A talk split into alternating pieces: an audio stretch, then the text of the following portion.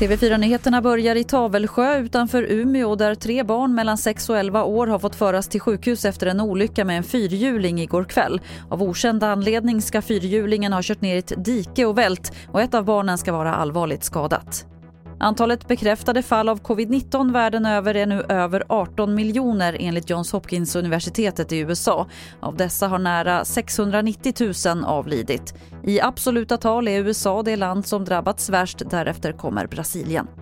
Säkerheten på mopedbilar borde höjas. Det säger NTF efter att en person under 18 år dog efter att en polisbil och en mopedbil krockade natten till söndag.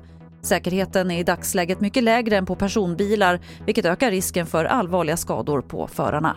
Ja, man skulle kunna bygga karossen lite säkrare. Eh, naturligtvis så finns det ett behov av bättre bälten i bilen. Eh, krockkuddar borde vara obligatoriskt även i, i de här bilarna. Det sa Marie Nordén som är generalsekreterare på NTF. Och det var det senaste från TV4 Nyheterna. Jag heter Lotta Wall.